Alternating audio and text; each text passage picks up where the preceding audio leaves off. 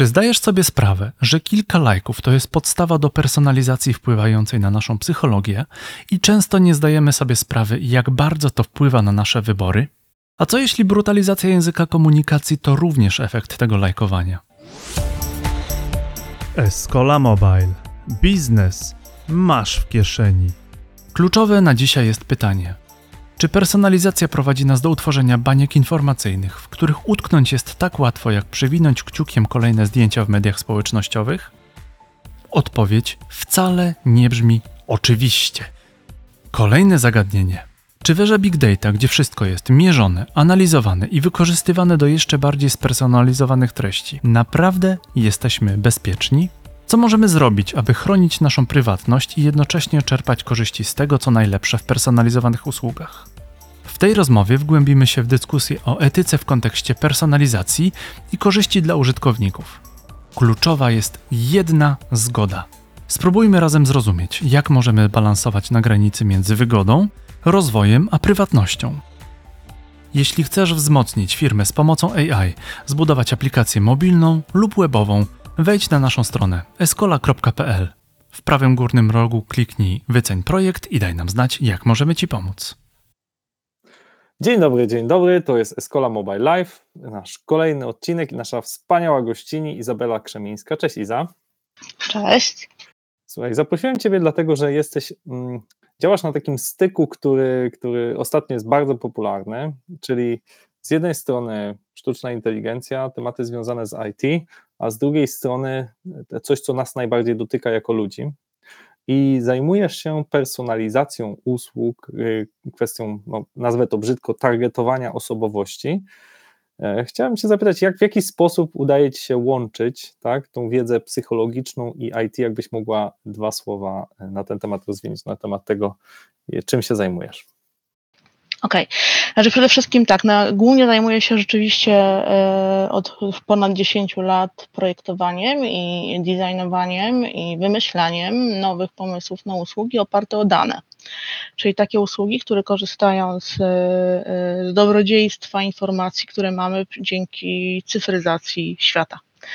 E, jeśli chodzi o psychologię, tak, e, najbardziej. Myślę, że to właśnie było nieoczywiste połączenie, albo może oczywiste, że wykorzystałam wiedzę, którą mam ze studiów psychologicznych i ponieważ jestem po psychometrii, po psychologii e, społecznej, więc ta psychometria, czyli diagnostyka różnicowa i, i, i szukanie informacji, prawdy o tym człowieku i, i próbowanie opisania go, opisanie próba opisania go w sposób taki e, e, ilościowy jest, e, było kluczowe. Chciałam to wykorzystać również w, w koncepcjach różnych, które się wiążą z tworzeniem nowego biznesu, tego biznesu 4.0, czyli takiego, w którym człowiek będzie na pierwszym miejscu, więc ta wiedza o człowieku jakby jest podstawą nowego biznesu i nowego myślenia o biznesie. To już nie tylko firma, nie, nie przepływy, nie łańcuchy dostaw, ale również też użytkownik. I właściwie technologia temu bardzo mocno sprzyja, to znaczy jesteśmy coraz bliżej do tego, dzięki właśnie cyfryzacji, żeby pewne idee, które do tej pory nie były możliwe do zrealizowania, bo po prostu nie było takiej możliwości nawet fizycznej, w tej chwili mają rację bytu. No i tym się zajmuję. Mhm. Okej, okay, to powiedz więcej, co kiedyś nie było możliwe, a co jest możliwe dzięki właśnie tej, tej psychometrii, rozumiem, związanej z big data, tak? No rozumiem. E, no właśnie choćby nawet ten przykład, o którym mówimy, czym się zajmuje, czyli osobowość użytkownika. No, żeby wcześniej wcześniej, do tej pory, wszystkie metody psychometryczne, te ewalu ewaluacyjne, opierały się głównie na y, papieriołówek narzędziach, czyli takich ankietach, które się wypełniało. Im diagnostyka miała być lepsza, im bardziej kliniczna, im bardziej e, związana z jakby z prawdą i z trafnością, tym te narzędzia były dłuższe. Przeciętne ankiety dotyczące, psychometryczne dotyczące osobowości mają od 50 do 100 pytań. Nie wyobrażam sobie, żeby takiego narzędzia można było jakkolwiek używać do opisu e, użytkownika w biznesie. Żaden użytkownik nie strawi nawet 20 e, pytań ankietowych e, i, i nie, nie będzie w stanie tego wypełnić, czyli ten opis nie byłby możliwy. Z drugiej strony mamy do, mamy do czynienia z czymś, co wcześniej również nie było możliwe, to znaczy użytkownicy sami generują bardzo dużą ilość treści, czyli twórczości, którą zostawiają w sieci. E, to są teksty, to są wpisy w mediach, to są komentarze, ale również e, e, mamy do czynienia w tej chwili już z bardziej wizualnymi technikami, czyli kamerami, wideo transmisjami. Mówimy, wchodzimy już bardzo poważnie e, w VR-y i w HR-y i w Google, czyli dostarczamy sobie coraz to nowych jakby możliwości do tego, żeby na tego człowieka patrzeć. I w myśl zasady psychologicznej, że wszystko, co tworzy człowiek, jest odbiciem jego samego, czyli najlepiej ocenić człowieka poprzez to, co tworzy, bo to jest jego, jakby to, to mówi o nim samym. I zresztą to było też podstawą, y, nie wiem czy wszyscy wiedzą, podstawą y, stworzenia całej y, teorii dotyczącej właśnie osobowości opartej o Wielką Piątkę, czyli założenie czy hipoteza, że cała osobowość człowieka jest odzwierciedlona w języku, którego używa czyli w słowach, których używa. I teraz idąc, jakby rozwijając tą hipotezę, mamy już do czynienia, przechodzimy z opcji deklaracji, że człowiek sam siebie opisuje na zasadzie deklaratywnej. Już pomijmy, ile tam zmiennych e, pośredniczących i zmiennych zakrzywiających tą samopercepcję człowieka wpływa przy tym samoopisie poprzez diagnostykę narzędziową, e, no to możemy to pominąć, bo mówimy o zachowaniach człowieka. Tutaj też oczywiście są jeszcze punkty, które moglibyśmy uznać za zakrzywiające, niemniej jednak mówimy o pewnym finalnym, finalnej decyzji człowieka, która, e, która jest pochodną jego osobowości, temperamentu, woli, czyli wyborów takich świadomych i racjonalnych, wpływów społecznych i użyteczności sytuacji, tak? Czyli jeżeli mówimy o pewnym, o finalnym zachowaniu, to to jest zachowanie, które jest, e, jest efektem tych, tych wszystkich czynników pewnie jeszcze innych, ale generalnie jest to dużo lepsza z punktu widzenia psychometrycznego sytuacja i bardziej e, prawdziwa niż korzystanie tylko i wyłącznie z samoopisu. Ludzie mają tendencję do zakrzywiania rzeczywistości i pamiętam takie badania, e, czy, czy uważasz, że jesteś ponadprzeciętnym kierowcą? Twierdzi 70 ponad procent kierowców tak? No Czyli wszyscy są ponadprzeciętnymi, wszyscy. znaczy no wszyscy, dużo tak. znaczna większość jest ponadprzeciętna. Za chwilę jeszcze o tym powiem, ale to nawet widać, wiesz co, w rozkładach, jak mamy, mówimy nawet o zmiennych takich jak Big Five, których y, my najczęściej używamy w tej chwili do opisu, teraz też powiem dlaczego, y, tam widać ewidentnie, że na przykład skala, jakbyś nie skonstruował skali ugodowości człowieka, to człowiek się nie chce przyznać do tego, że nie jest ugodowy albo nie chce się przyznać, że nie jest otwarty. Czyli skala się sama skraca, bo y, mówimy, mówimy cała spektrum, czyli cała zmienność osób jest już na drugiej jakby y, Myślę, że bardzo mało rozkładu. osób tak powie, że nie jestem hmm. osobą otwartą, tak? Prawda? Albo nie jestem Dokładnie. osobą przyjazną. Dużo osób może y, powiedzieć, że jest bardzo przyjazna albo że jest średnio, ale mało kto powie, nie, nie jestem przyjazny, nie jestem otwarty, tak? To, to, to masz rację. Natomiast właśnie, internet to zmienił. E, też pamiętam takie badania, e, szczegółów nie pamiętam, ale że ilość lajków pod określonymi mm, wpisami. Michał Gosiński. Tak, tak. tak określa naszą osobowość włącznie z tym, że chyba tam 6 jest lepsza niż nasz kolega, już 50 to lepiej ocenia niż przyjaciel, który zna nas tam całe życie. Tak, tak, tak. To a, był początek. A chyba powyżej 100 to lepiej niż mm. małżonka był w stanie oceniać. Znaczy, jakbyś to skomentowała? Tak, tak, znaczy to nie wymaga komentarza dużego, ale tak, to był ten początek właśnie tego boomu i zainteresowania się tym, jakie możliwości daje cyfryzacja w opisie wywania człowieka. Poszło to dwutorowo, jak pamiętasz. E, pierwszym produktem był właśnie produkt oparty czysto na tworach ludzi, czyli na opisywaniu, znaczy wyciąganiu osobowości z tekstu pisanego i to był Watson, e, Watson e, IBM-owski, tak, doktor Watson i on oceniał osobowość człowieka z tekstu, który człowiek sobie wkleił, czyli ze stylu, w jakim używa języka. I to było jak najbardziej zgodne z teorią psychologiczną. Natomiast drugim, drugim takim rewolucyjnym, ja to nawet mówię, że to było 10 lajków, które wstrząsnęły światem, to znaczy właśnie były te prace Michała Kosińskiego, zresztą naszego rodaka z Uniwersytetu Stanford, który e, opracował, e, który właśnie wykazał, czy opublikował artykuł razem z kolegami, bo nie robił tego sam, razem z kolegami opracował artykuł, w którym pokazał, że wiedza, która pochodzi y, o użytkowniku, pochodzi tylko z pewnej modelu statystycznego, który wiąże się z dziesięcioma lajkami na Facebooku, daje mu większą wiedzę o tym użytkowniku niż wiedza, którą ma żona czy tam partner y, tego użytkownika. To był początek boomu.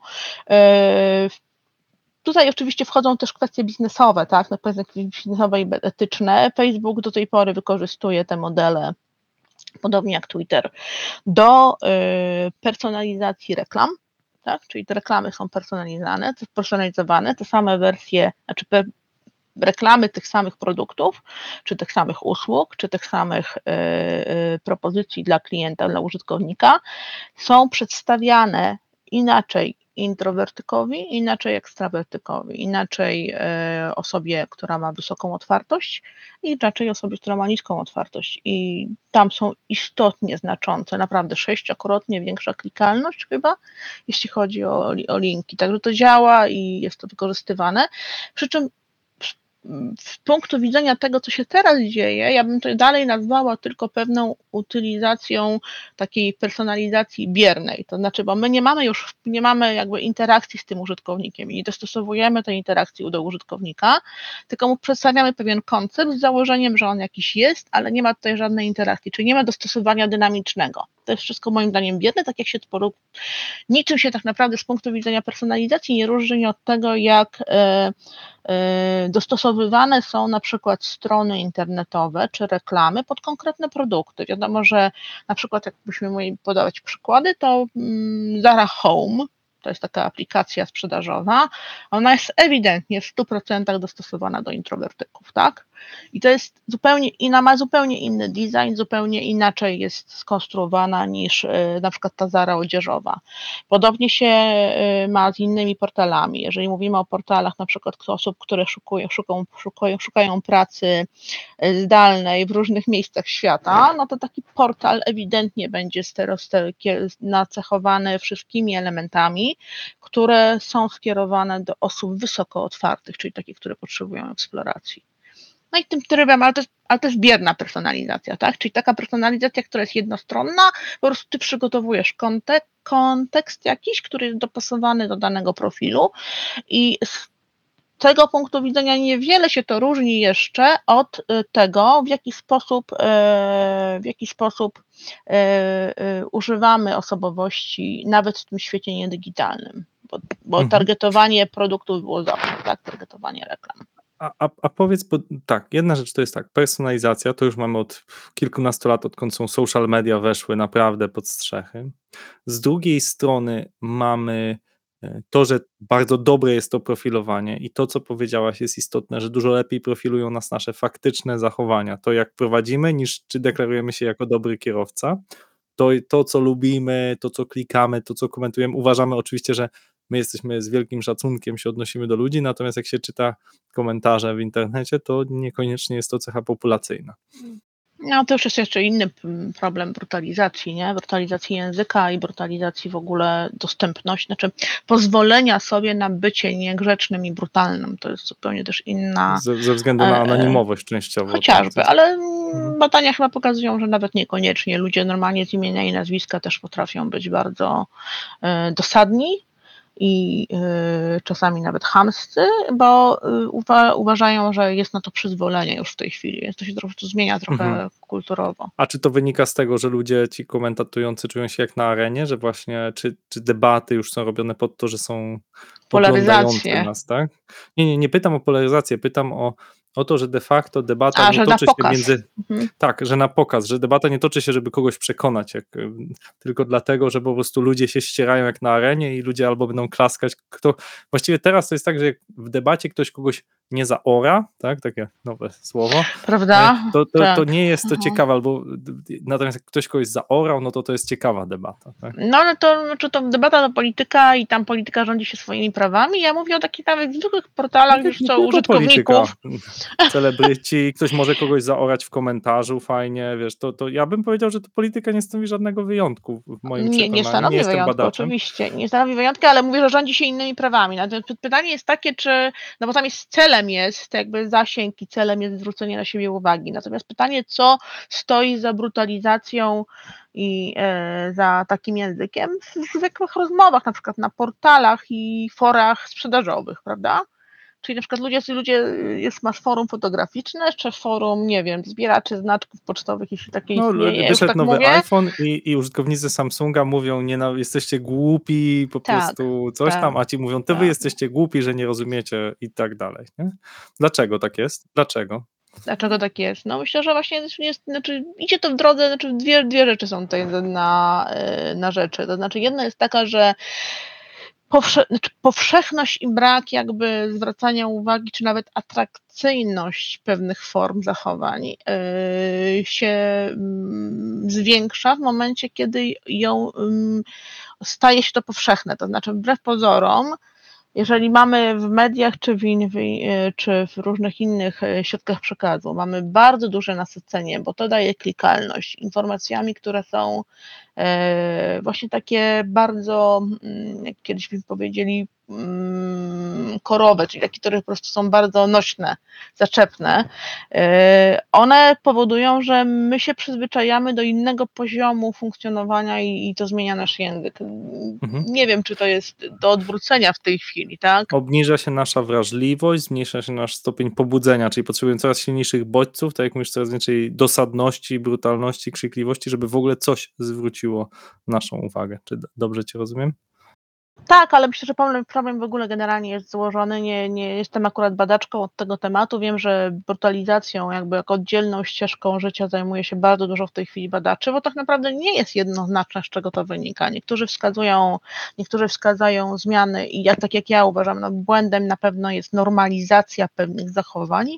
Bo to, że tutaj jest coś powszechne, to automatycznie z pokoleniem dalszym, z biegiem lat przenosi się do jako norma czyli się mm, przesuwają się granice tego, co jest możliwe. To jest jedna rzecz. Ale z drugiej strony przecież mamy jakieś hamulce jako ludzie, nie? Jesteśmy wrażliwi, jesteśmy empatyczni i co się z tym dzieje? No, ta empatia jakoś zanika. A propos, a propos tego, ta, mm, są badania, które na przykład mówią, że im bardziej kontaktujemy się z sztuczną inteligencją w różnej postaci, czyli na przykład chatbotami, e, inteligentnymi urządzeniami, czy już nawet robotami, już nieważne czy humanoidalnymi, czy nie, to nasza empatia jest narażona na oduczanie. To znaczy, empatia jest coś, czego się uczymy, czym, czego się uczymy jako ludzie. Nie rodzimy się empatyczni, uczymy się jej. Uczymy, znaczy mamy zdolność do empatii, ale empatii jako takiej się uczymy w procesach społecznych.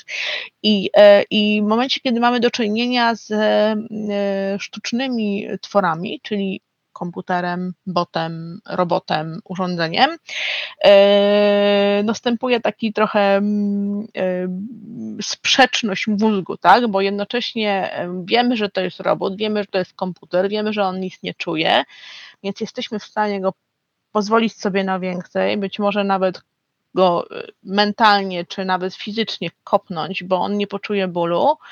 I sama, sama ta reaktywność, czyli pozwolenie sobie na to więcej, powoduje, że stajemy się bardziej brutalni i mniej empatyczni. Nie widzimy człowieka po drugiej stronie.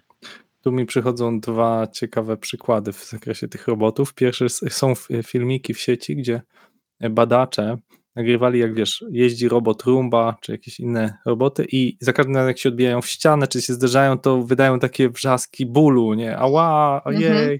A to jest właśnie przeciwdziałanie temu, tak. I, Mhm. i, I ludzie byli bardzo poruszeni tym, że wiesz, że te roboty cierpią, chociaż one oczywiście nie cierpią, to było nagranie, tak?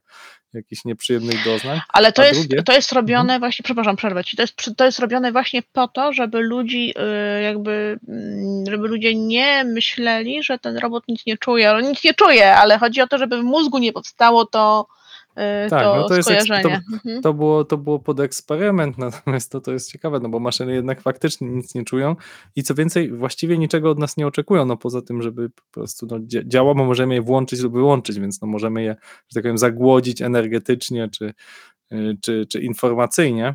Natomiast też ciekawy eksperyment y, taki mały opowiadała profesor Aleksandra Pezda, jak jej dziecko próbowało wypytać czata GPT, czego byś ode mnie chciał, no ten czat mówi, no nie, no ja jestem tu dla ciebie, tak, jestem, służę ci, no ale czy byś chciał, na przykład, nie wiem, ciasteczka mogę ci upiec, albo czy coś mogę, wiesz, i, i ten chatbot był absolutnie bezradny, bo nie ma wmontowanego w ogóle żadnego schematu, że może coś od nas chce. Chcieć. Tak. I to jest ciekawe, bo jednak dla ludzi jesteśmy, właśnie ta empatia też wynika z tego, że coś dla kogoś robimy, tak? E, I, a, a, a, a chatbot, tak, czy robot od nas oczekuje, no, no musimy go do pro, tam pika, a podłącz mnie do prądu, tam telefon, czy ten Rumba, czy jakiś inny. To jest tylko, dowód, to jest tylko dowód na to, jak silny jest ten efekt antropomorfizacji sprzętów, nie? Znaczy sprzętów i chatbotów. Antropomorfizujemy absolutnie wszystko, a jeszcze teraz w, w dobie czata GPT, gdzie on posługuje się już naturalnym językiem, ta antropomorfizacja jest prawie e, stuprocentowa i mam bardzo wiele dyskusji z ludźmi, którym tłumaczę, że ten czat niczego nie rozumie, że to jest model prawdopodobieństwa, że to nie jest coś, co on rozumie. On, ludzie mają tendencję, mówią tak, kłamie, nie rozumie lub rozumie, używają cały czas słów w odniesieniu, jakby to była osoba. A to nie jest osoba, to jest tylko model prawdopodobieństwa. Natomiast ja rozumiem, to nawet nie jest uproszczenie, to jest pewien.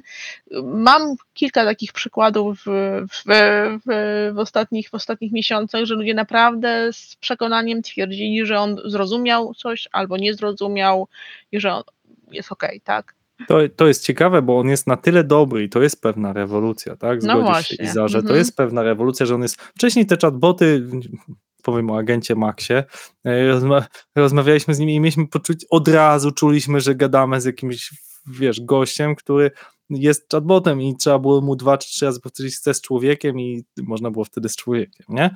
I, ale to rozumiał. było po prostu czuć, tak? To było po prostu czuć, on mhm. pewne sygnały odbiera, numery świetnie, jakieś tam hasła ma wyuczone, natomiast no nie, nie porozmawiamy z nim sobie na temat wiem, e, obrazów no tak. Pabla Picasso. Natomiast z czatem sobie możemy rozmawiać o Pablo Picasso, o Salvadorze Dali, bo on to po prostu przeczytał wszystkie dzieła, nawet pewnie się nauczył, pewnie wie nie mniej niż niezły absolwent ASP na temat tej sztuki sztuki.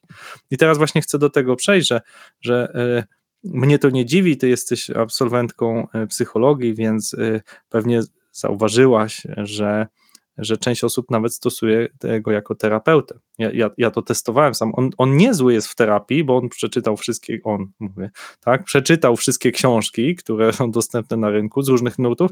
Jedyny problem, że on oczywiście miesza te nurty, czyli raz pójdzie na, z psychologią behawioralną, za chwilę zupełnie zmieni nurt, no bo chyba, że go tam ukierunkujemy. Więc to, to, to mnie nie dziwi, że ludzie wierzą, że tam siedzi jakiś skrzacik, student, nie wiem, ktoś i, i, i odpisuje bardzo szybko. Ja gorąco wierzę, że przy odpowiednim jeszcze oczywiście dopracowaniu yy, takie roboty, nawet chyba wczoraj David Hanson umieścił taki post na LinkedIn, w którym mówi, że Sofia the Robot będzie programowana i będzie przygotowywana do bycia terapeutą i gorąco temu trendowi kibicuję. Ja nie uważam, że on jest w tej chwili jeszcze gotowy i dobry, ale dlatego, że te roboty nie są empatyczne i tego im brakuje.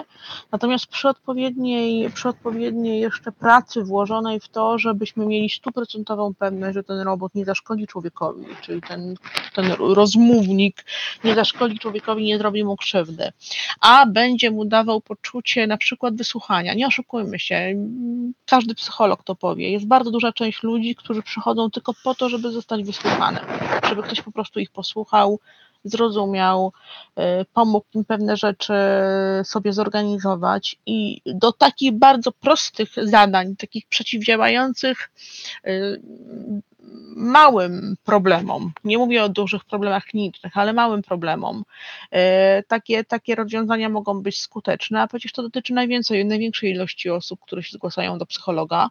E, z drugiej strony mamy też świetny przykład, już bardzo mocno przebadany, również przez, przez Hansona i przez badaczy psychologów, to, że kontakt z robotem obniża dużo, dużo lęków i obniża, bardzo pomaga dzieciom autystycznym, tak? Czyli znosi te wszystkie lęki, które są społeczne.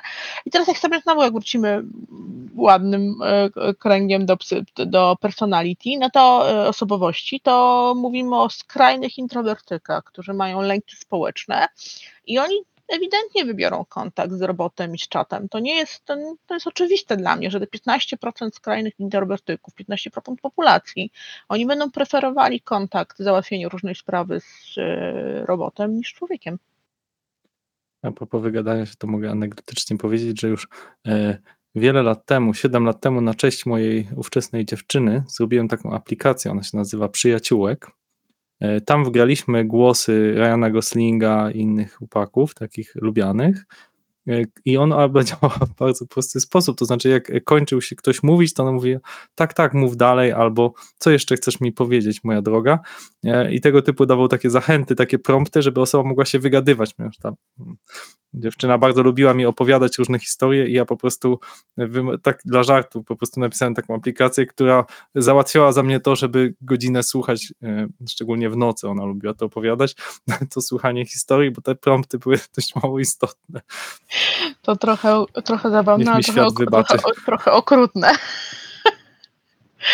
E, ale wyobraź sobie na przykład też taki koncept można by było wziąć pod uwagę. Wyobraź sobie, że na przykład osoby, które leczą traumy, tak, po czymś kogoś straciły.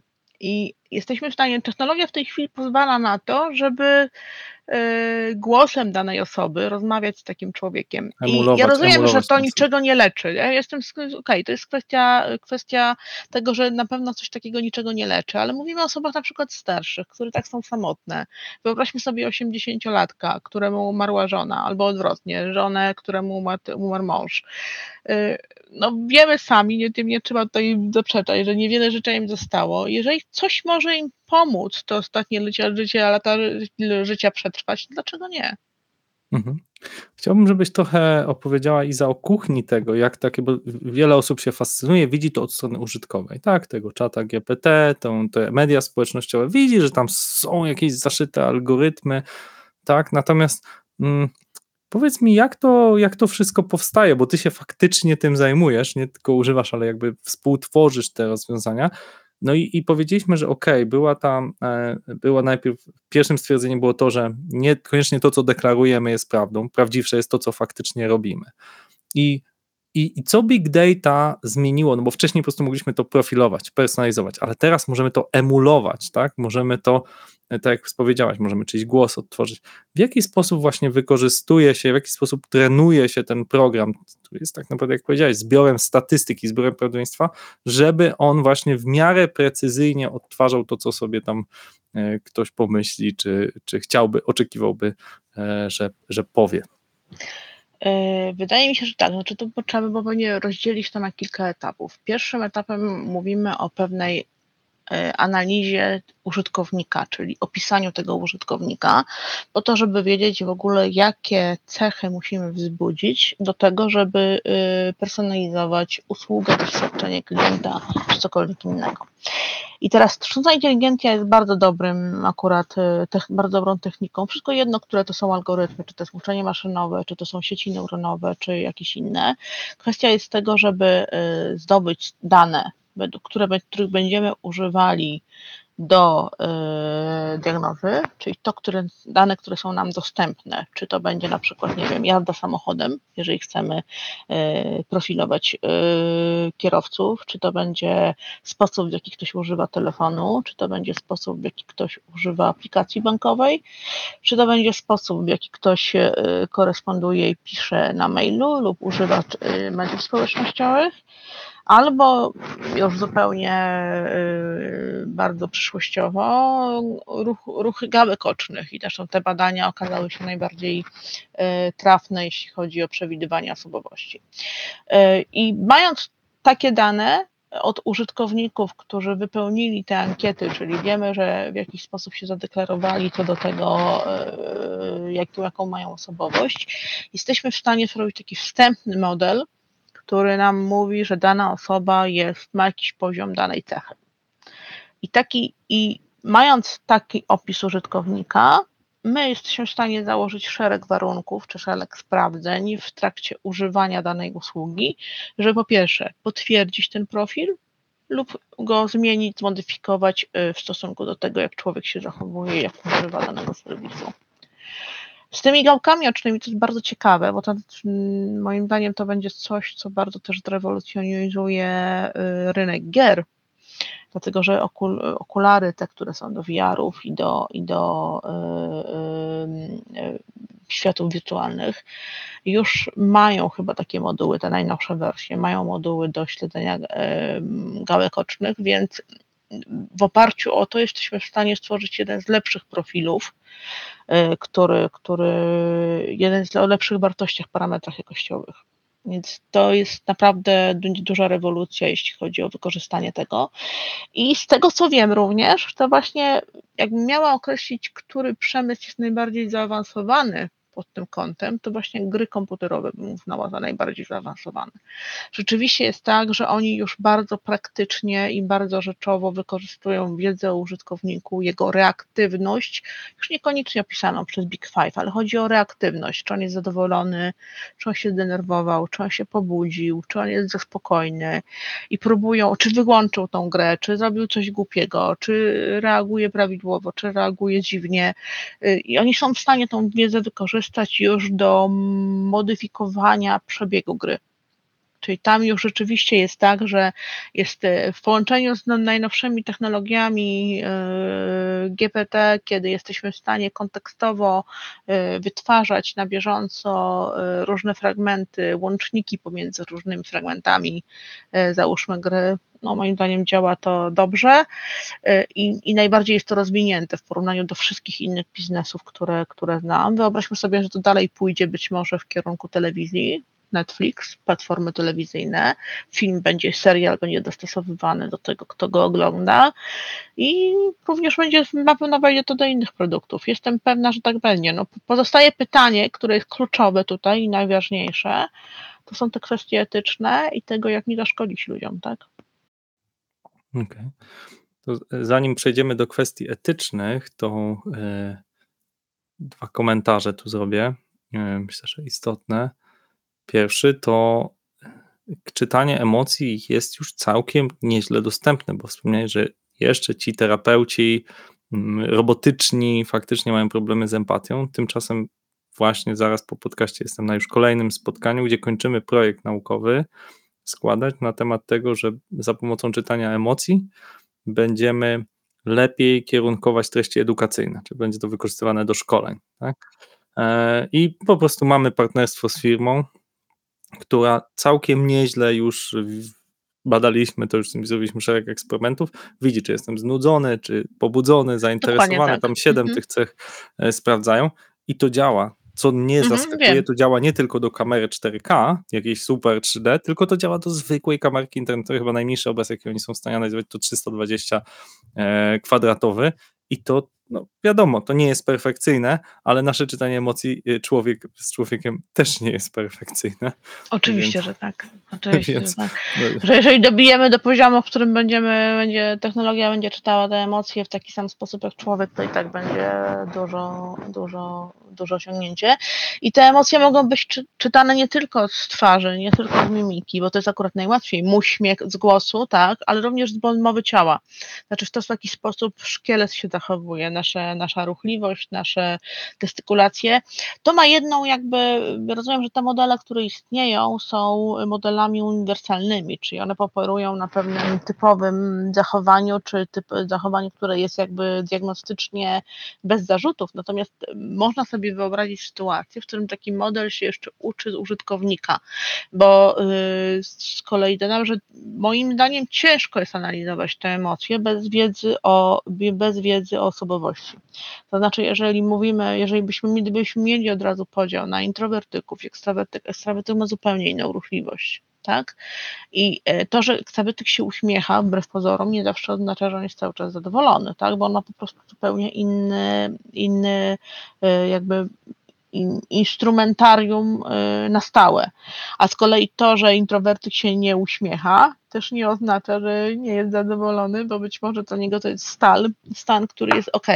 I dopiero takich rzeczach się nauczymy. Nauczymy się rozróżniać, y, że są bardzo duże skrajności pomiędzy różnymi ludźmi, nawet w rozpoznawaniu tych emocji. Oj tak, na pewno jest, jest tutaj Więc... szereg czynników też kulturowych, na przykład cechą Oczywiście, charakterystyczną tak. dla kultur azjatyckich, Korea, Japonia czy Chiny, jest to, że w razie skrępowania jakiejś sytuacji, która dla nich jest taka niekomfortowa, oni się bardzo często śmieją, tak, takim szczerym, rubasznym śmiechem, albo się uśmiechają, w momencie, kiedy są zakłopotani, bo coś im nie wyszło, albo coś się stało, coś, co my reagujemy z jakąś nerwowością, albo próbą wytłumaczenia się, oni się po prostu szczerze mm, uśmiechają e, szeroko, co wcale niekoniecznie znaczy, że są szczęśliwi w danej sytuacji. Jasne, i te, te, te, warunki kulturowe oczywiście też mają znaczenie, ale to jest bardzo wiele czynników, tak? No normy, tak, kultura, pewne, pewne rzeczy, które, które mamy wpojone i zresztą też nawet y, y, pewnego rodzaju sytuacyjność, prawda? Inaczej się zachowujemy w pracy, na spotkaniu biznesowym, a inaczej się zachowujemy na imprezie y, w naszym własnym ogrodzie, tak? Czy w domu. Tak, inaczej ktoś na nas patrzy, czy nie. E, to właśnie, bo wspomniałeś o wykorzystaniu AI w, game, w gamingu, to tu chciałem powiedzieć osobom, które nas słuchają, że mm, wydaliśmy właśnie książkę, która się nazywa Wydajniej, Wydajniej przez AI. E, I tam jest właśnie cały rozdział napisany przez Piotra Penara o tym, jak wykorzystać właśnie AI w gamingu, to co, to co Iza powiedziała, w jaki sposób będzie to możliwe więc zachęcam, kto chce posłuchać, to linkujemy.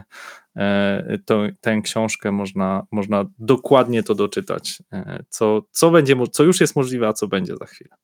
Ok, chciałem Cię jeszcze Iza zapytać, właśnie, jak rozmawiamy o dostosowaniu tych interfejsów, czy wyobrażasz sobie, że mając tą wiedzę, którą Ty czytasz, tak, ten ekstrawertyk dostanie niczym przy testach AB, dostanie inny interfejs niż introwertyk. Nie wiem, ktoś Taki kto... jest cel. Mhm. Taki jest cel. Znaczy całym, całym jakby zyskiem z tego zabiegu jest właśnie to, że już nie musimy, nie, nie musielibyśmy pozycjonować produktu pod targety, czyli sobie multiplikować produkty, tylko moglibyśmy mieć jedną aplikację, która jest dostosowana do wielu targetów. I ona się dostosowuje do targetu sama. To nam daje dużo zysków, dlatego że po pierwsze nie targetujemy, nie wykorzystujemy średniej, czyli typowego użytkownika, którego sobie wyobrażamy i ekstrapolujemy na jakiś tam, na jakąś tam, e, na jakiś tam produkt czy usługę, ale adresujemy nawet tych, którzy są w naszym rozumieniu dziwaczni, to znaczy ogony rozkładów, tak? czyli takich, którzy mają bardzo dziwne upodobania i bardzo dziwne potrzeby. E, dziwne w sensie niespotykane. Nie, nie, nie, nie, nie, nie, nie, nie używam tego słowa w innym znaczeniu, tylko po prostu nietypowe.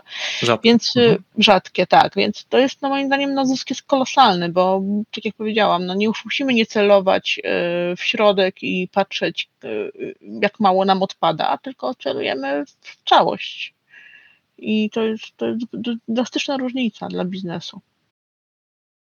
A powiedz jeszcze, Iza, jak, jak uniknąć, z kolei wspomnieliśmy trochę o stereotypach, o aspektach kulturowych, no tego, żebyśmy z kolei kogoś nie wepchnęli w jakieś proste um, kolumny, ok, introwertyk, ekstrawertyk, tak i owak. No wiadomo, że dla celów badawczych to się robi, tak, ale to to nie chodzi o to, żeby internet nam jeszcze bardziej się rozjechał na jakieś kon konkretne silosy, e, internet dla ekstra ekstrawertyków i introwertyków. E, myślę, że tak. Znaczy, że oczywiście, że nie to jest celem. Celem jest indywidualizacja, czyli dostosowanie do człowieka, ale tutaj powiem e, coś, co jest kluczowe, to znaczy ta indywidualizacja i to dostosowanie musi być za zgodą tego użytkownika, to znaczy on musi to akceptować. I teraz e, jestem w stanie sobie wyobrazić sytuację, w której komuś taka dopasowywanie w ogóle nie będzie się podobało i taki człowiek nie, powinien mieć możliwość nie włączenia sobie takiej opcji. Dlaczego nie? No, jeżeli on nie chce, być, żeby to się dostosowało do niego, to dlaczego nie? Z drugiej strony tej indywidualizacji wydaje mi się, że przy myśleniu o tym jako o indywidualizacji doświadczenia nie bałabym się stereotypizacji, tej stereotypizacji czy błędów, które wynikają z ryzyka wykluczania jakiegoś, czy złych, e, złych wzorców, e, raczej już unikamy na etapie tworzenia modeli poprzez e, dopasowanie, czy nie dopasowanie, ale poprzez zadbanie o to, żeby wśród zmiennych, które są, z których model jest zbudowany, nie były takie zmienne, nie było takich zmiennych, które mogą kogokolwiek dyskryminować, czy, czy wykluczać, czy preferować, czy, czy, czy robić jakieś bajasy, skrzywienia w tym modelu. I trzecia, trzecia ważna rzecz jest taka, że moim zdaniem, jeżeli się uzupełni cały zabieg o mechanizmy, które mają na celu to, żeby człowiekowi nie szkodzić, i tutaj mówię na przykład o tym, bo można sobie wyobrazić taki stan, czarny scenariusz. Jeżeli będziemy cały czas dostosowywać w sposób idealny, stuprocentowy usługę, czy nawet grę, czy film do użytkownika, to ten czarny scenariusz polega na tym, że my go bardzo silnie uzależnimy od tego produktu. I też wydaje mi się, że myśląc o wykorzystaniu y, z korzyścią dla użytkownika pewnej wiedzy o użytkowniku, musi być nieodłącznie zawsze to skojarzone z myśleniem o tym, żeby temu użytkownikowi nie szkodzić i przeciwdziałać negatywnym skutkom tego, co może się wydarzyć. Mhm, mhm. No właśnie, jak już mówisz o tym, mówimy przeciwdziałać, ale to nie jest łatwe w przypadku takich dużych modeli AI, których często się mówi black box, ok, przychodzi, możemy sobie wyobrazić scenariusz, że właśnie ktoś przychodzi po kredyt do banku, y, model mówi, przepraszam, ale kredytu nie damy, pytamy czemu, i nie wiemy, tak? Temu służą teraz te regulacje, które mają wejść w Unię Europejską, żeby miał prawo wiedzieć, nie? Tak, tak, e. tak. To właśnie, że wszystkie black boxy będą zakazane według Act i słusznie, y, bo to nawet wcześniej się mówiło o tym, że modele muszą przede wszystkim muszą być wyjaśnialne, to znaczy nie powinno się korzystać ze, ze zmiennych, które być może są efektywne w przewidywaniu czegoś, ale nie jesteśmy w stanie zrozumieć, dlaczego to w ten sposób działa. To znaczy, nie jesteśmy w stanie podać żadnej sensownej, racjonalnej i, e, i uzasadnionej przyczyny, przy której ta, ta zależność e, występuje. E, takich rzeczy powinniśmy unikać i jak najbardziej jestem za tym, żeby, żeby wszystko było wyjaśnialne i żeby wszystko było transparentne. Mhm. No a powiedz, w jaki sposób e, też zaadresować kwestię prywatności? No bo Facebook pod ogromnym jest ostrzałem, nie tylko Facebook, mhm. TikTok, wszyscy, wszystkie platformy społecznościowe, że właśnie robi to profilowanie, personalizowanie, gdzieś tam są jakieś wycieki prywatności, no było Cambridge Analytica i masa mhm. pochodnych mhm. tego typu ofert, które no może nie były tak spektakularne, ale, ale były bardzo dotkliwe społecznie, tak? No i jak to zrobić mhm. w kwestii właśnie tego, czym ty się zajmujesz, żeby jednak to było, nie wiem, jakoś zaszyfrowane, żeby potem gdzieś nie wyciekły mhm. nasze preferencje, nie wiem, ktoś może mieć, nie wiem, e, preferencje, nie wiem, o charakterze jakimś prywatnym, nie wiem, seksualnym, których mhm. nie chce, żeby zostały ujawnione, a one bardzo szybko w profilowaniu wychodzą. Jak, jak tutaj się zabezpieczyć? No, przede wszystkim tak, mówimy od znowu o dwóch, dwóch rodzajach zabezpieczeń. Pierwsze to jest takie, że musimy zabezpieczyć i przymiennym jest przygotowanie samego modelu, czyli zadbanie o to, żeby go robić na danych absolutnie anonimowych i żeby ta prywatność osób była chroniona. E, natomiast e, nawet widziałam ostatnio na Keglu chyba konkurs, w którym była mowa o tym, że ogłaszają konkurs o, o sztuczną inteligencję, która będzie oduczała e, model danych, z których został wytrenowany, czyli jakby całkowicie związki danymi, na których model został wytrenowany, będą już mm, pogrzebane i zniszczone, że nie będzie w stanie w ogóle ten model nawet, yy, znaczy nie będzie, nie będzie powiązania pomiędzy tymi danymi od użytkowników, nawet jeżeli były anonimowe. Z drugiej strony mamy, mamy sytuację taką, że no nie jesteśmy w stanie bez tych danych zrobić żadnej personalizacji. Dlatego powiedziałam, że to jest kwestia decyzji użytkownika, czy korzysta z tej personalizacji, czy nie korzysta z personalizacji. To jest jeden poziom. Na wycieki danych, niezależnie od tego, czy one są przetwarzane w BI, czy są przetwarzane przez sztuczną inteligencję, to jest oddzielna e, jakby klasa bezpieczeństwa i, i ochrony danych i na to nie mamy wpływu. W tym sensie, że to nie jest nic nowego, może w ten sposób, nie to, że nie mamy wpływu, ale nie jest nic nowego. Ten problem nie nie jest nowy. Dotyczy to zarówno y, w ogóle wszystkich danych, które przechowywane są na przykład w bankach czy w firmach. Natomiast pomysł na samą personalizację może być na przykład taki, że y, personalizacja może się odbywać na urządzeniu końcowym użytkownika w, taki, w, taki, w, takim, w takim modelu, że firma, która dostarcza usługę, nawet nie wie, do jakiego profilu aplikacja się dostosowuje na tym urządzeniu. Okej, okay, okej. Okay. Znaczy, Czyli end user. Profil jest, tak, profil jest liczony w, w, końcowym, w końcowej, a w aplikacji, w aplikacji użytkownika na, na urządzeniu końcowym. Nic nie przechodzi do tak zwanego backendu, czyli nic nie przechodzi do, na stronę firmy, serwerów i, i, e, i tego, co firma gromadzi. I Obowiązkiem wtedy właściciela biznesowego jest dostarczyć do aplikacji możliwości do wyświetlenia innej skórki, czy wyświetlenia innej reklamy, czy innej komunikacji do użytkownika. Natomiast ktoś, kto zarządza tym, nie wie, która wersja została wyświetlona.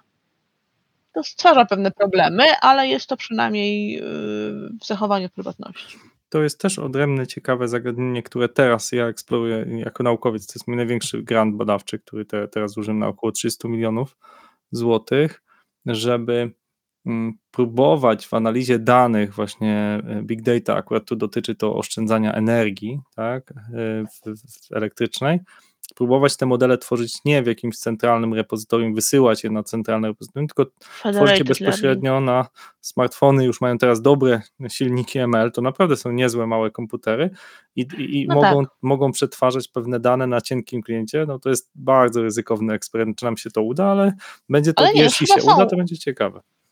Chyba już są nawet takie próby, bo Federated Learning już weszło jako taki koncept, który jest, czyli właśnie z kawałków y, wyuczonych na urządzeniach końcowych, czyli z kawałków danych składa się ten główny model, a model ten główny składa się z tylko i wyłącznie danych w pełni anonimizowanych, czy już nawet nie hashtagowanych, nie, nie to nie wiemy na pewno, że nie pochodzą od jednej osoby, tak? Mhm. Czyli nie możemy, nie możemy tego jakby zrewersować już potem. No bo ja rozumiem, tak. że taki najprostszy sposób, no to gdzieś tego człowieka, który ma imię i nazwisko, zamienia się w jakiś hash, ten hash się szyfruje i potem mhm. ten hash tylko się przesyła, ale ten to jakby dojście między hash, zamiana na imię i nazwisko jest bardzo mocno przecięty jakimś e, niesamowitym mhm. murem, tak, firewallem, czy jak go to nazwiemy, tak? No to jest standardowe zachowanie w przypadku zbierania danych do modelu, tak? Bo ja nie potrzebuję danych osobowych danej osoby, żeby zrobić model. Potrzebuję tylko znaczników pewnych y, zachowań czy, czy cech, nie cech, tylko y, właśnie feature, mówię cech w sensie modelowym, e, który, który, który będzie budowany model, natomiast nie, nie potrzebna mi jest wiedza, kim ten człowiek jest. Mm, no ale mamy to do czynienia na przykład z medycyną, prawda? Kiedy bardzo przydatne byłoby jednak analiza danych, widzę duże korzyści dla społeczeństwa, i dla, i dla medycyny, dla diagnostyki różnicowej, gdybyśmy mogli dane od pacjentów zbierać właśnie w sposób taki anonimizowany, po to, żeby można było tworzyć czy statystyki, czy modele, które lepiej rozpoznają choroby i, i pomagać lekarzom w, w, diagnostyce. Nie da się tego zrobić inaczej. To da, muszą być dane od pacjenta, muszą być to na przykład jakieś zdjęcia, wiesz, y, obrazowania, różnego innego próbki. No i tutaj ta anonimizacja danych jest, jest kluczowa i, i, i bardzo ważna. No tak, to, to jest prawda w medycynie jak patrzę, jak zegarki idą do przodu, ja bardzo sceptycznie podchodziłem do mhm. zegarków sportowych, przez 8 lat się temu opierałem, nie mam teraz zegarka, jak, jak wychodzą. Natomiast widać tutaj postęp, że zegarki same rozpoznają, kiedy jedziemy na rowerze, same rozpoznają, kiedy biegniemy, same rozpoznają, jak robimy to i to. Dlaczego? No bo ktoś ich maszynowo wyszkolił, pokazał, ok, mm. taki z mm. ruch żyroskopu, ruch GPS-a, to, to, to, powoduje, że wiem, że to rower, a nie bieganie. Niby to się wydaje oczywiste, jak o tym mówię, ale ten zegarek musi się sam, czy teraz już na jakieś kliknięcie jedną ręką, on wie, że my chcemy wykonać gest. No to jest, to wynika nie, że te zegarki mają jakieś cudowne, bo one mają, muszą być małe, tylko dlatego, że ktoś po prostu super wytrenował ten model i, i ten zegarek się, że tak powiem, umie pokapować dość szybko, co, mm -hmm. my, mhm. co my robimy i to jest rzecz, o której chciałem powiedzieć, że moim zdaniem, jak w końcu te dane z zegarków, które już mierzą masę rzeczy, temperaturę, niby cykle są w stanie mierzyć i tak dalej, i tak dalej, to, to, to, to pójdzie do lekarza, tak? Jakieś wykrywanie anomalii EEG, y, będzie szło do lekarza, bo teraz te dane są tylko takim, taką ciekawostką. Natomiast czekam na moment, kiedy mój lekarz, jakiś tam domowy, będzie mógł podpiąć się albo zdejmę zegarek z ręki, przykładam do jakiegoś urządzenia i mówię, no to co mi jest, panie doktorze, czy pani doktor. No, kluczowe jest, żeby zawsze oczywiście musi być za zgodą użytkownika, to pamiętajmy, że to już Mhm. użytkownik musi wyrazić zgodę, ale, ale ja jestem w stanie, na przykład, no, mamy osoby starsze, które czasami się przewrócą w domu, czy Mhm. coś im się stanie i takie wykrywanie nawet z prostego żyroskopu, z tego zegarka, że ktoś się przewrócił i e, to był ruch nagły, nie w czasie, w którym śpi i leży i się nie rusza, jest czasami może komuś uratować życie, prawda? Oj tak, Apple nie, nie omieszka jest- żadnej konferencji, żeby tego nie pokazał, tych, tych sytuacji, który, osób, którym uratowane zostało życie dzięki e, tej analizie danych, o której teraz powiedzieliśmy. Okej, chcę jeszcze o trzy rzeczy Cię zapytać. Pierwsza rzecz, to jak już jesteśmy przy mediach społecznościowych i tej personalizacji, no to niestety coś, co chyba mnie napawa głębokim niepokojem, to jest jednak tworzenie tych baniek informacyjnych. Jesteśmy tak w czasie okołowyborczym, widzimy jak spolaryzowane jest społeczeństwo i nie tylko w Polsce, tak samo jest spolaryzowane w Stanach Zjednoczonych, tak samo jest spolaryzowane we Francji, czyli widać pewną ciągłość i korelację między tym, że weszły social media pod strzechy i że właściwie chyba jedyną stroną, która jest taka sama dla wszystkich jeszcze jest Wikipedia, tak? A YouTube już jest każdy dla innego, Google jest każdy dla innego, już nie mówię o, o mediach społecznościowych. Pytanie, Z co, Wikipedią. Mhm. co z tym zrobić i czy, czy to jest problem według Ciebie, czy nie? Czy, i, i, i, jeśli tak, to czy, czy, czy, czy coś możemy z tym zrobić?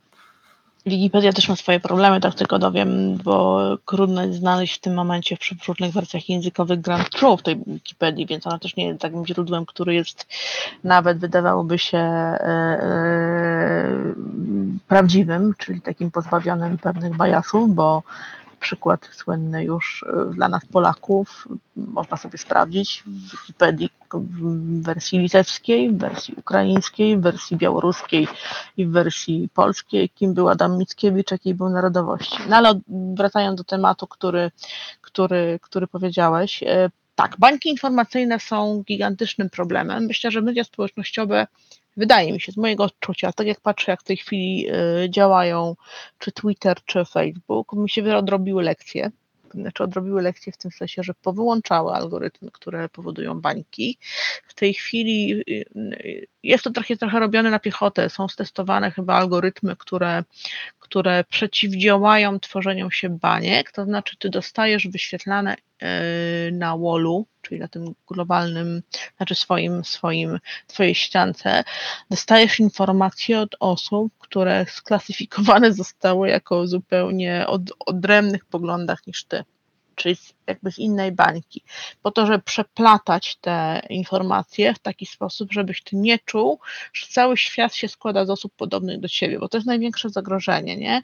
Znaczy, jeżeli masz w bańkach informacyjnych, to nawet nie chodzi o to, że że podajesz informacje, bo każdy ma swoją e, jakby wersję rzeczywistości i inaczej na to patrzy i ma inną opinię. I być może to, gdyby tylko do tego się sprowadzała bańka, to by było ok.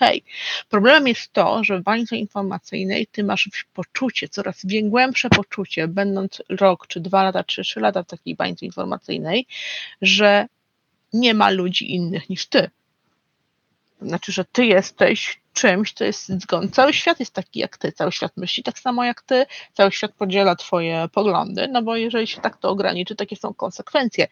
I ta konsekwencja jest dużo groźniejsza, tak naprawdę, niż sam fakt jakby braku możliwości dochodzenia, co jest prawdą, a co nie jest prawdą, bo żyjemy w takim świecie, że nawet w tej chwili media, które są oficjalne, podają nieprawidłowe, znaczy niewłaściwe informacje, czy, czy yy, no właśnie takie, które są, które są fake newsem, tylko po to, żeby jakiś efekt uzyskać, tak, chociażby klikalności, chociażby, to co z tego, że oni później to odwołają, ale klikalność jest ważniejsza niż wszystko inne, czyli zainteresowanie, wchodzenie na, na stronę, wchodzenie na linki, wchodzenie na inne rzeczy.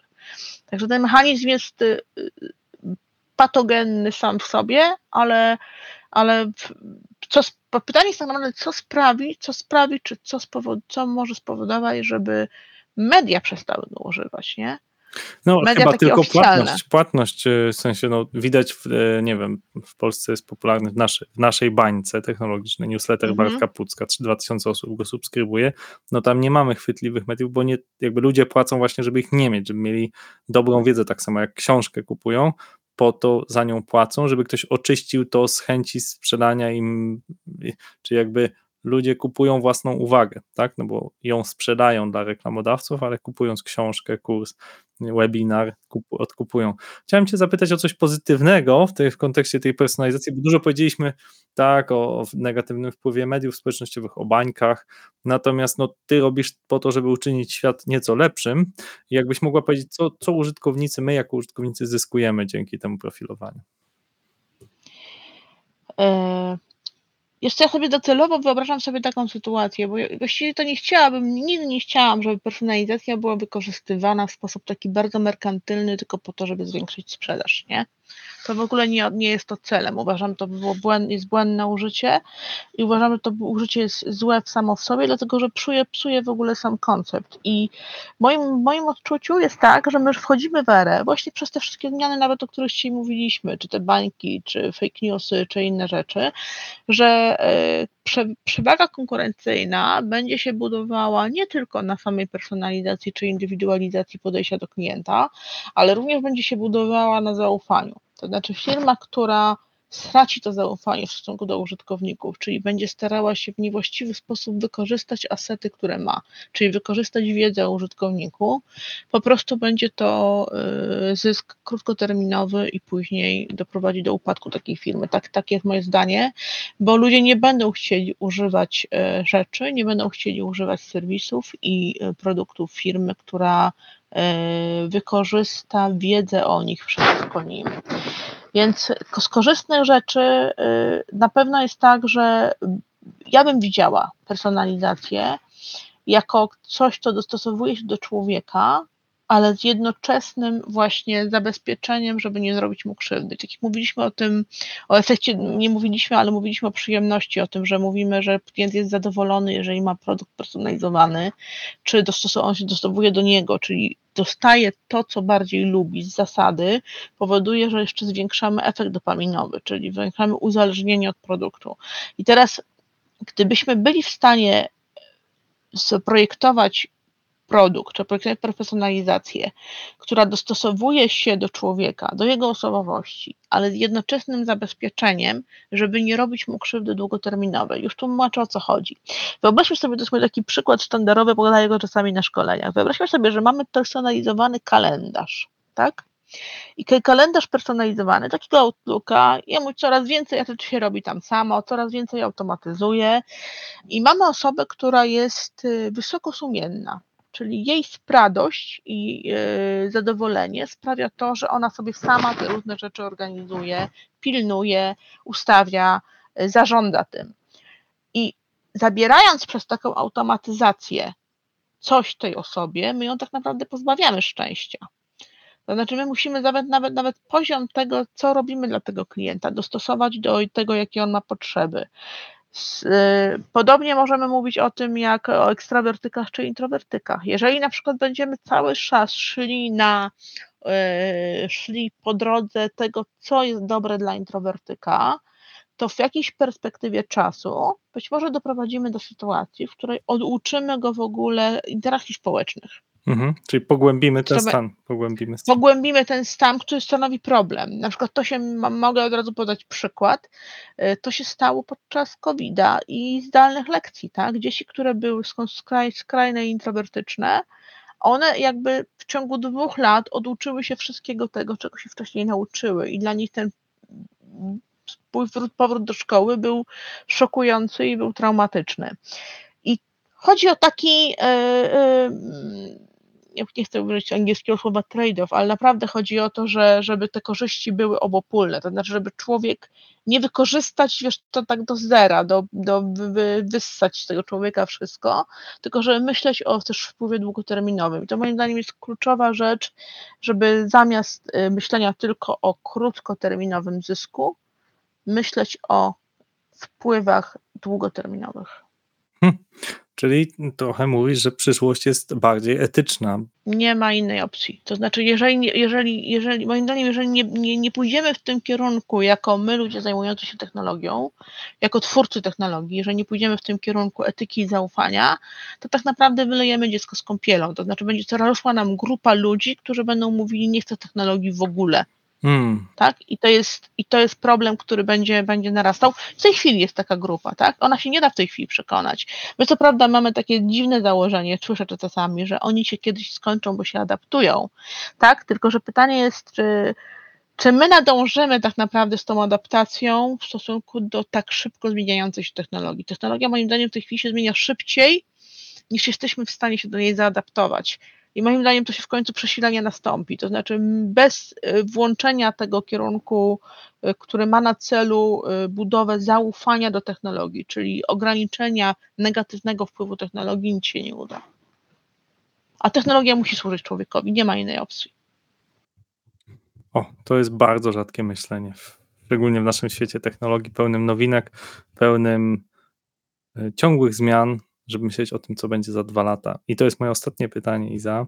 Co będzie za dwa lata? Czego, czego możemy się spodziewać? Jaką, co jest blisko, za rogiem? Co myślisz, że faktycznie ma szansę E, no jeszcze bardziej przybliżyć nas do, do personalizacji usług. Co to będzie? Czy to będzie to rozpoznawanie emocji, czy to będzie coś z obrazem? Co to może być? Tak, znaczy w tym kierunku bym szła. To znaczy, wydaje mi się, że całe badania i cały w tej chwili rozwój technologii pójdzie w kierunku dokładania do y, sztucznej inteligencji klocków, które wiążą się z przetwarzaniem emocji, czyli symulowaniem konkretnych takich funkcji inteligencji emocjonalnych. Co się uda, co się nie uda, trudno powiedzieć. Pewne rzeczy już się dzieją, pewne rzeczy są możliwe już dzisiaj. E, czy to zostanie wdrożone i jakiej formie, zobaczymy, ale na pewno jest to kierunek, który będzie e, bardzo dominował. E, drugim kierunkiem, który jest, to moim zdaniem jest zwiększenie właśnie tej, zwiększenie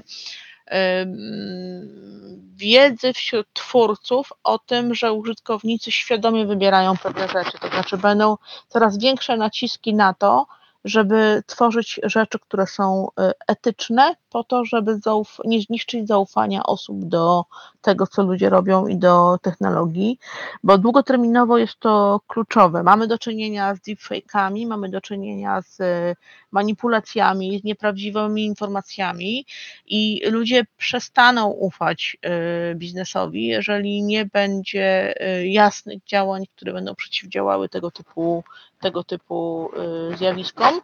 I wydaje mi się, że ten kierunek również będzie rozwijany. Technologia musi służyć człowiekowi. Moją gościnią dzisiaj była dr Izabela Krzemińska, szefowa RD Labów Orange.